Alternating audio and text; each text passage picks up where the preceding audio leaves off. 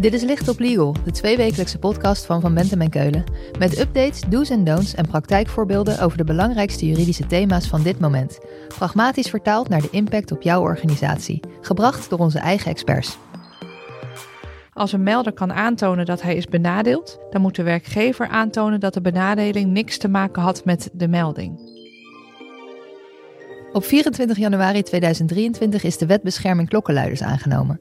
Deze nieuwe wet is een implementatie van de Europese klokkenluidersrichtlijn en breidt de rijkwijde van de klokkenluidersbescherming op een aantal punten uit.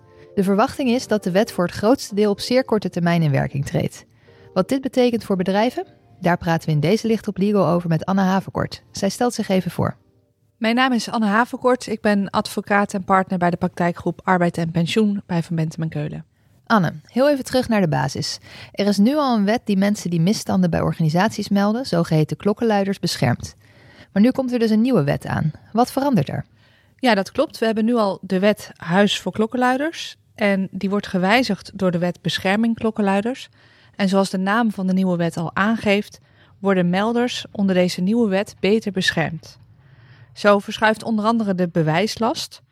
En dat houdt in dat als een melder aantoont dat hij is benadeeld, dan moet de werkgever bewijzen dat dit niet door de melding komt. Ook mensen die te maken hebben met de melding, denk bijvoorbeeld aan de vertrouwenspersoon, worden voortaan beter beschermd.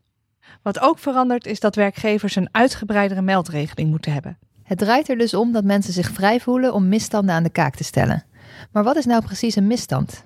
Nou, een misstand staat ook nu al in de wet. Dat is een handeling of een nalatigheid waarbij het maatschappelijk belang in het geding is.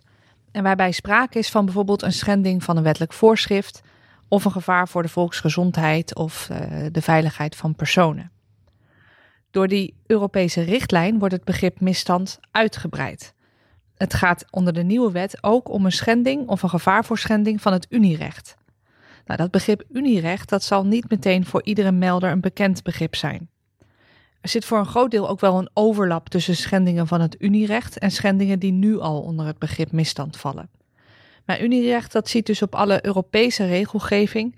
Eh, denk daarbij ook bijvoorbeeld aan een gevaar voor de volksgezondheid, witwaspraktijken, veiligheid van producten, dat soort zaken. Maar het moet dus wel gaan om een groter belang. Het gaat niet om incidenten. Ja, precies. Dat is nu ook al zo. Het moet wel uh, gaan om iets waarbij het maatschappelijk belang in het geding is. Dus niet bij iedere overtreding van een wetsvoorschrift is ook een maatschappelijk belang in het geding. Maar dat begrip is best ruim. Hè? Dus dat is, daar is best nog wel discussie over wanneer is nou het maatschappelijk belang in het geding.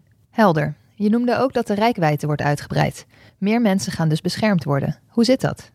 Nou, ten eerste wordt het begrip werknemer gewijzigd.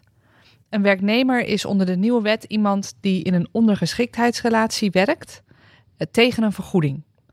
Dus het gaat dan om werknemers in loondienst, maar ook uh, mogelijk om ZZP'ers, om uitzendkrachten en om stagiaires, zolang die een vergoeding krijgen voor hun werk. De werkgever kan, en dat is ook nieuw onder de nieuwe wet, uh, de procedure ook openstellen voor personen die geen werknemer zijn. Denk bijvoorbeeld aan vrijwilligers.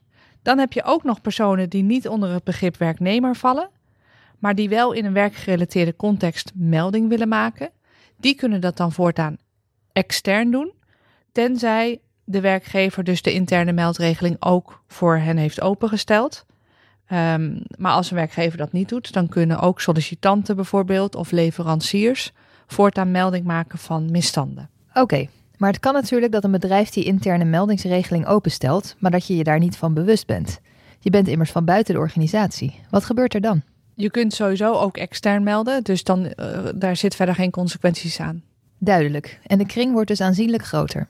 Ja, en dan wordt de kring van personen die beschermd wordt bij een melding nog groter. Want de bescherming geldt voortaan ook voor betrokken derden. Denk bijvoorbeeld aan een collega of de vertrouwenspersoon die bij de melding is betrokken. Een hele hoop veranderingen dus. Het begrip misstanden wordt ruimer, meer mensen worden beschermd. Het kan niet anders dan dat werkgevers aan de bak moeten. Wat moeten ze gaan doen? Nou, als werkgever moet je nu concreet de meldregeling gaan aanpassen. Want de huidige meldregeling onder de huidige wet, die voldoet niet meer aan de eisen van de nieuwe wet. Zo moeten de definities van misstand en ook de definitie van werknemer worden aangepast. Um, en daarnaast veranderen ook een aantal procedurele aspecten. Zo moet je nu als werkgever in de regeling vastleggen dat werknemers de melding ook mondeling kunnen doen. En daarnaast gaat gelden dat zowel bij een mondelinge als bij een schriftelijke melding gaat gelden dat de melding voortaan ook anoniem moet kunnen gebeuren. En ook de rechtsbescherming waar we het net al even over hadden, moet in de regeling worden opgenomen. Nou, daarnaast uh, die procedurele eisen. Uh, de melder moet binnen zeven dagen een ontvangstbevestiging krijgen. En dat moet ook in de regeling worden opgenomen. En daarnaast moet de melder binnen een redelijke termijn, en dat is maximaal drie maanden, een terugkoppeling krijgen over de opvolging van de melding. Maar dat is dan een update van het proces. Hoeft er dan nog niets inhoudelijk met de melding te zijn gedaan? Het, het geven van een terugkoppeling veronderstelt wel dat, ja, dat het zo mogelijk al inhoudelijk is behandeld. Maar ja, bij hele grootschalige onderzoeken zou je een soort tussen-terugkoppeling kunnen geven.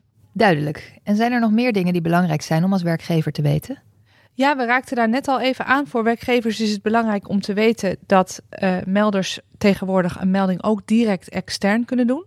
Dat geldt dus uh, voor degenen die niet onder het begrip werknemer vallen, maar ook werknemers mogen voortaan direct extern, terwijl het nu nog zo is dat het in principe eerst uh, intern moet. De wens blijft wel, of de voorkeur blijft wel, dat eerst een interne procedure wordt doorlopen.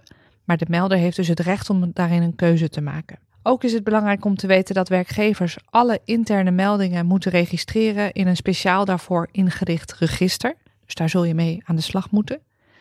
En uh, ik noemde net al even de omkering van de bewijslast. Als een melder kan aantonen dat hij is benadeeld, dan moet de werkgever aantonen dat de benadeling niks te maken had met de melding. En dat is wel goed om te weten, want onder de nieuwe wet wordt het verbod op benadeling ook veel ruimer. Het gaat om iedere vorm van benadeling. Dus niet alleen om ontslag of het niet verlengen van een contract, maar ook gaat het dan om een negatieve beoordeling, een waarschuwing of het onthouden van een promotie. Als laatste, en die is ook belangrijk voor de timing, heeft de OR instemmingsrecht op het wijzigen van de klokkenluidersregeling of de meldregeling. En een aangepaste regeling zal dus eerst langs de OR moeten. Nu zijn er natuurlijk ook bedrijven die de klokkenluidersregeling op dit moment al breder hebben getrokken dan alleen misstanden. Bijvoorbeeld ook bij een onregelmatigheid of grensoverschrijdend gedrag. Waar moeten zij nou op letten?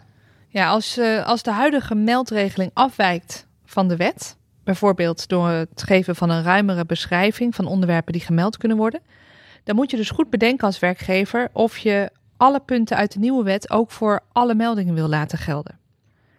Maar wat ook belangrijk is om rekening mee te houden, is dat je dat besluit niet zomaar eenzijdig als werkgever kunt nemen, omdat, zoals ik net al vertelde, de OR ook instemmingsrecht heeft. Dus wanneer je een bepaalde regeling hebt en je wil dat wijzigen, dan zal dat langs de OR moeten. Daarom adviseren wij om werkgevers die nu al een ruimere regeling hebben dan wettelijk gezien noodzakelijk, om snel met de wijzigingen aan de slag te gaan, omdat je dan ook nog tijd hebt om met de OR daarover in gesprek te kunnen gaan. Ja, want over tijd gesproken. De wet is al door de Eerste en Tweede Kamer heen. Het gaat binnenkort in werking treden. Hoe snel? Vanaf wanneer gaat dit spelen? Ja, grote werkgevers vanaf 250 werknemers, die moeten al op heel korte termijn hun meldregeling aanpassen. Welke datum dat precies is, dat is nog niet bekend. Dat zal worden gepubliceerd in het staatsblad. Op het moment dat mensen deze licht op legal beluisteren, dan is de datum misschien wel al bekend. Check bijvoorbeeld even de nieuwspagina op de website wetbeschermingklokkenluiders.nl. Dat is de officiële website van rijksoverheid.nl, waarin ook de actuele nieuwsberichten over deze nieuwe wet worden gepubliceerd. Dat is voor de grote bedrijven, 250 medewerkers of meer. Dat impliceert dat er ook kleine bedrijven zijn. Wat betekent het voor hen? Ja, werkgevers met tussen de 50 en 249 werknemers, die krijgen nog tot 17 december 2023 de tijd om de meldregeling aan te passen. Tot slot, zijn er nog actuele ontwikkelingen sinds deze wet is aangenomen door de Eerste en Tweede Kamer? Ja, het wetgevingstraject zelf heeft al heel erg lang geduurd. Er zijn ook allerlei wijzigingen voorgesteld en ook aangenomen. Dus het is wel opvallend dat er vlak na het aannemen van de nieuwe wet vragen zijn gesteld door onder andere de Vaste Commissie voor Binnenlandse Zaken. En als vraag is bijvoorbeeld gesteld hoe een slachtoffer van seksuele intimidatie moet weten of het gaat om een misstand, omdat het maatschappelijk belang in het geding is, of dat het gaat om een integriteitsschending, dus een ja, wat meer individuele kwestie. Um, en dat verschil is van belang omdat in dat geval bijvoorbeeld niet de omkering van de bewijslast geldt. Nou, zo zie je dat er nu best veel discussie is over de vraag wanneer is iets een misstand. In de behandeling van de wet is aangegeven dat een schending van het Unierecht in principe als een misstand wordt bestempeld. Maar op andere onderwerpen is dat toch nog uh, wel de vraag. En de vraag is ook of de minister daar nog een verdere toelichting op zal geven. Hoe dan ook gaat dit razendsnel spelen. Wat moet ik nou meteen als eerste doen na het luisteren van deze podcast? Voor grote werkgevers geldt dat de meldregeling zo snel mogelijk moet worden aangepast. En dat er ook een register moet komen voor het registreren van meldingen. Uh, werkgevers krijgen, als het goed is, iets meer tijd om ook anonieme meldingen mogelijk te maken. Maar we weten nog niet precies hoeveel tijd. En middelgrote werkgevers die krijgen sowieso wat langer de tijd om de meldregeling aan te passen. Uh, maar ook omdat de OR instemmingsrecht heeft, adviseren wij toch hier zo snel mogelijk mee aan de slag te gaan. Anne, dankjewel. Als we meer willen weten, waar kunnen we dan terecht? Nou, je kunt me altijd mailen op annehavenkort.vbk.nl of bellen. Mijn nummer vind je op de website. Dit was Licht op Legal, een podcast van Van Bentem en Keulen. Te beluisteren via Spotify, Apple Podcasts of je eigen favoriete podcast-app. Wil je meer weten? Heb je suggesties voor een onderwerp? Of wil je dat onze experts hun licht laten schijnen op jouw juridisch vraagstuk? Laat het ons weten via vbk.nl/slash lichtoplegal.